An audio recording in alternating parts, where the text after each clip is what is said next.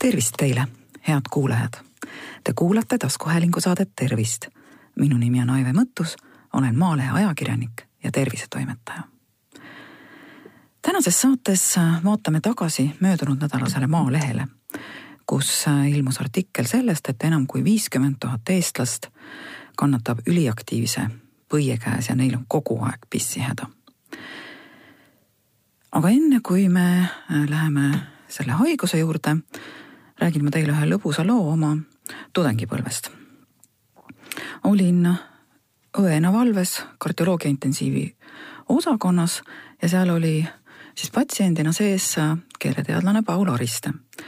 ja vaatasin mina öösel, et, et patsient hakkab niimoodi nihelema ja lähenesin voodile, koputasin härrale õlale ja küsisin, et vabandage, et kas te soovite pissile.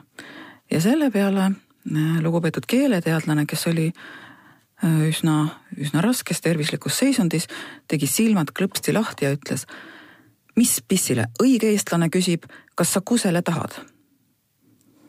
nii et, äh, et kui järele mõelda, siis tõesti see sõna pissil käima, mida me igapäevaselt kasutame, on ju tegelikult laen vene keelest ja tuleb sõnast pissat aga mitte keeleteadusest ei ole meie tänane saade, äh, vaid sellest, äh, kui tihti peaks me pissil käima ja, ja miks mõni inimene tualetti jookseb peaaegu et iga kahekümne minuti tagant. no otse loomulikult äh, peaks tualetis käik olema niisugune loomulik toiming, mille peale liialt mõtlema ei pea. aga tõesti mõnedel inimestel ja päris paljudel peaaegu et igal kuuendal inimesel on tualetis käik muutunud nii sagedaseks, et see hakkab tõsiselt igapäevast elu häirima. ja doktor Gennadi Timberg, uroloog, ütleb, et tegelikult see selline ärritunud põis või üliaktiivne põis ei sõltu mitte sellest, kas põis on täitunud või mitte, vaid lihtsalt põielihased hakkavad tahtmatult kokku tõmbama, tõmbuma ja inimene peab otsekohe kiiresti äh, tualeti poole jooksma, muidu võib äh, õnnetus juhtuda.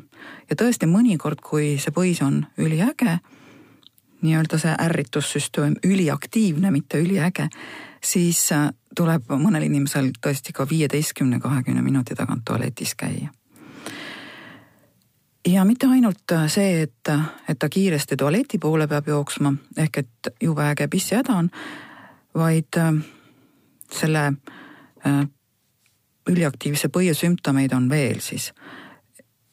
ka näiteks see, et see vajadus tualetti joosta tekib väga äkki. ka öösel käiakse tualetis sagedamini kui üks kord.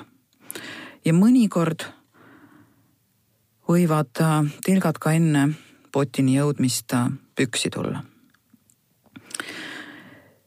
Äh, kui sageli üldse inimene keskmiselt tualetis peaks käima pissil?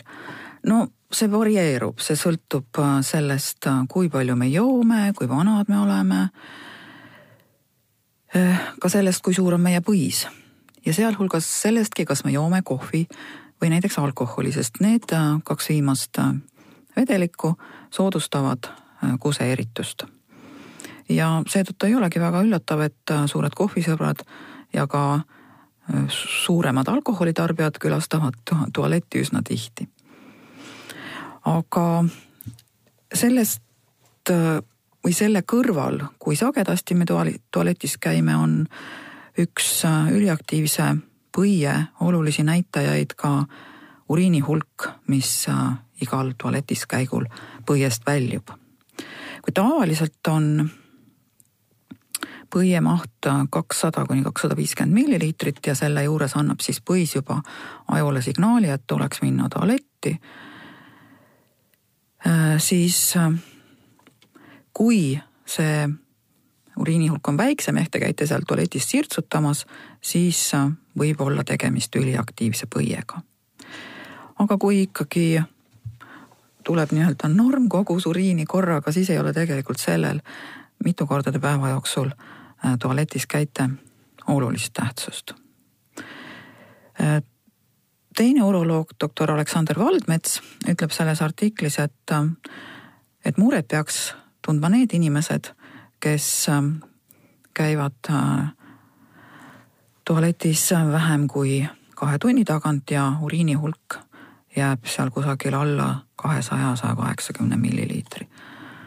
no loomulikult see on selline tegelikult, äh, kuidas mõõta seda, palju sealt põiest potti tuleb, eks ole, suhteliselt äh, võimatu.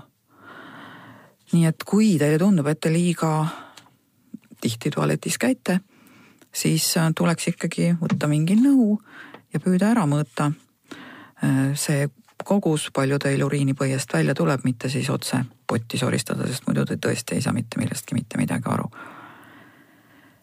nii, aga miks, miks selline ärritatud põiesündroom tekib? ega täpset põhjust tegelikult äh, ei teatagi. Äh, arstid ütlevad selles artiklis, et teatakse seda mehhanismi, mis üliaktiivset puit põhjustab, aga faktorit mis seda põhjustab, ei teata. no tegelikult on päevselge, et äh, tegemist on närvide ja lihaste vahelise koostööhäirega ja arstide keeles nimetatakse seda neuromuskulaarseks häireks. seda koostööhäiret võivad põhjustada siis näiteks haigused, mis kahjustavad kesknärvisüsteemi. näiteks äh, krooniline alkoholism, on üks nendest, aga loomulikult kõik need viiskümmend tuhat eestlast, keda üliaktiivne põis vaevab, ei ole alkohoolikud kaugeltki mitte. aga ka muud toksilised ained, noh näiteks mõned ravimid, narkootikumid võivad põiele mõjuda nii, et, et see üliaktiivseks muutub, aga seda haigust seostatakse ka äh, mõningate haigustega, no näiteks Parkinsoni tõvega. Äh, diabeediga, ka sellise haigusega nagu skleroosis multiplex ehk hulgiskleroos. ja ka lülisamba traumad võivad äh, üliaktiivset põit põhjustada.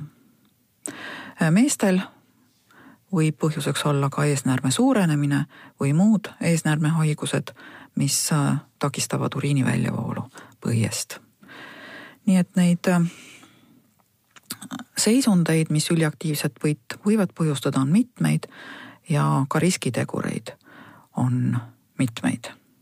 no näiteks äh, vanus ja sugu.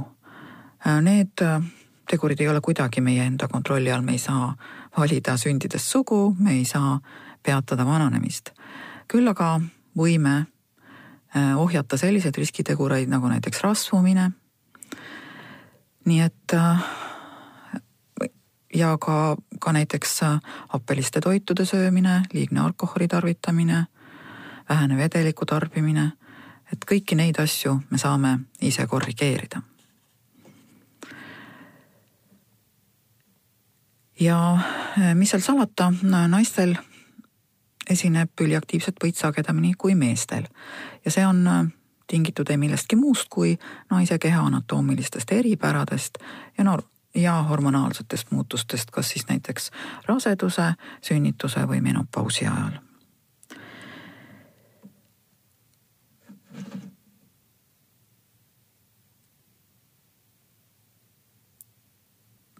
üliaktiivse põiega on nii, et selle mm, esinemissagedust tegelikult alahinnatakse ega ei olegi väga palju uuringuid ka sel teemal tehtud, sest peamised uuringud on keskendunud uriinipidamatusega patsientidele. see on ka tegelikult probleem, mille korral tuleks kohe arsti poole pöörduda, sest abi on olemas, aga tihti seda ikkagi peljatakse teha, sest noh, pisut piinlik probleem ju, et tilgad püksi tulevad Äh, küll aga julgustan siinkohal kõiki oma murega siiski mitte üksi jääma ja häbenedes kannatama, vaid ikkagi tuleb arsti juurde minna ja, ja asjadest rääkida. abi on ka olemas.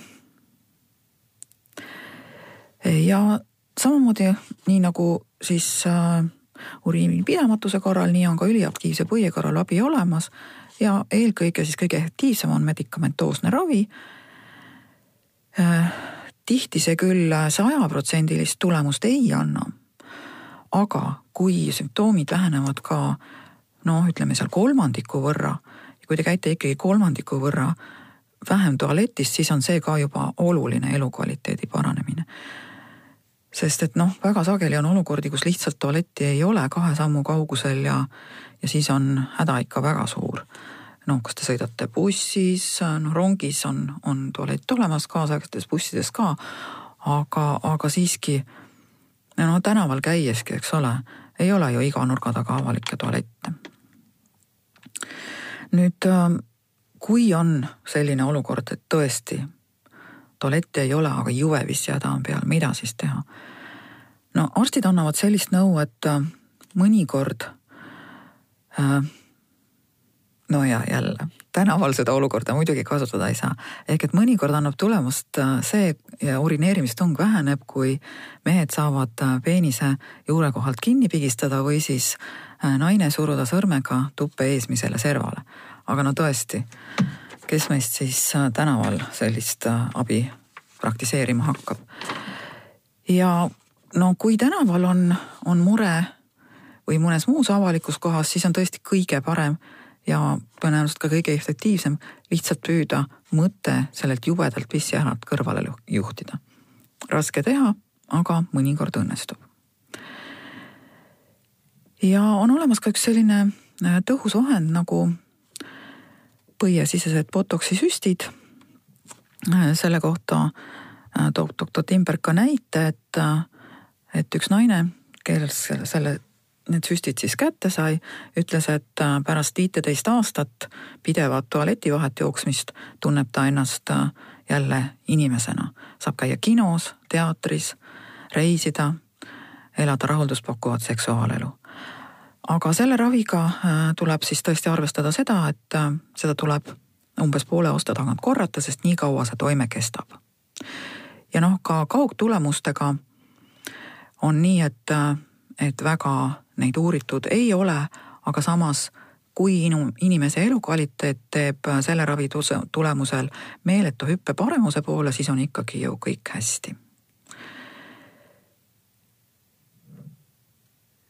nüüd mida veel ise saaks teha, et, et see pissihäda nii äkki peale ei tuleks? no on olemas teatud harjutused, mida saab teha tõesti igal pool. ei pea selleks jõusaali minema, ei pea dresse selga panema, lihtsalt istute töö juures tooli peal, kõnnite tänaval, saate kenasti teha. see on siis pingutada teatud lihaseid kõhulihaseid ja vaagnapõhjalihaseid ja teha seda harjutust niimoodi viisteist, kümme, viisteist, kakskümmend korda järjest, puhata kolmkümmend sekundit ja jälle mõned seeriad teha. Selle harjutuse puhul on, on tõesti, see on märkamatu, keegi ei saa kõrvalt arugi, et te kõhtu ja vaagnapõhjalihaseid sisse tõmbate ja pingutate. Neid harjutusi on, on veel ja kui natukene internetis ringi vaatate, leia, leiate neid, neid hulganisti. nii et äh, niisugune oli lugu siis üliaktiivse põiega. aga millest äh, selle nädala Maalehe terviserubrikk kirjutab ka huvitav teema. Äh, meil on intervjuu optometristiga ja räägime vana aja nägemisest. räägime sellest, kuidas prille hooldada, räägime sellest, miks poest ostetud valmisprille hea kasutada ei ole. head kuulajad, te kuulasite taskuhäälingu saadet Tervist. saate leiate Delfi podcastide pesast tasku, nutirakendustest Spotify, Apple Podcasts, SoundCloud ja teised. hakake jälgijaks ja kuulake just teile sobival ajal ettepanekuid teemade kohta, mida saates käsitleda, ootan teilt e-posti teel aadressil tervist.maaleht.ee. minu nimi on Aive Mõttus, olen Maalehe ajakirjanik ja tervisetoimetaja. tervist teile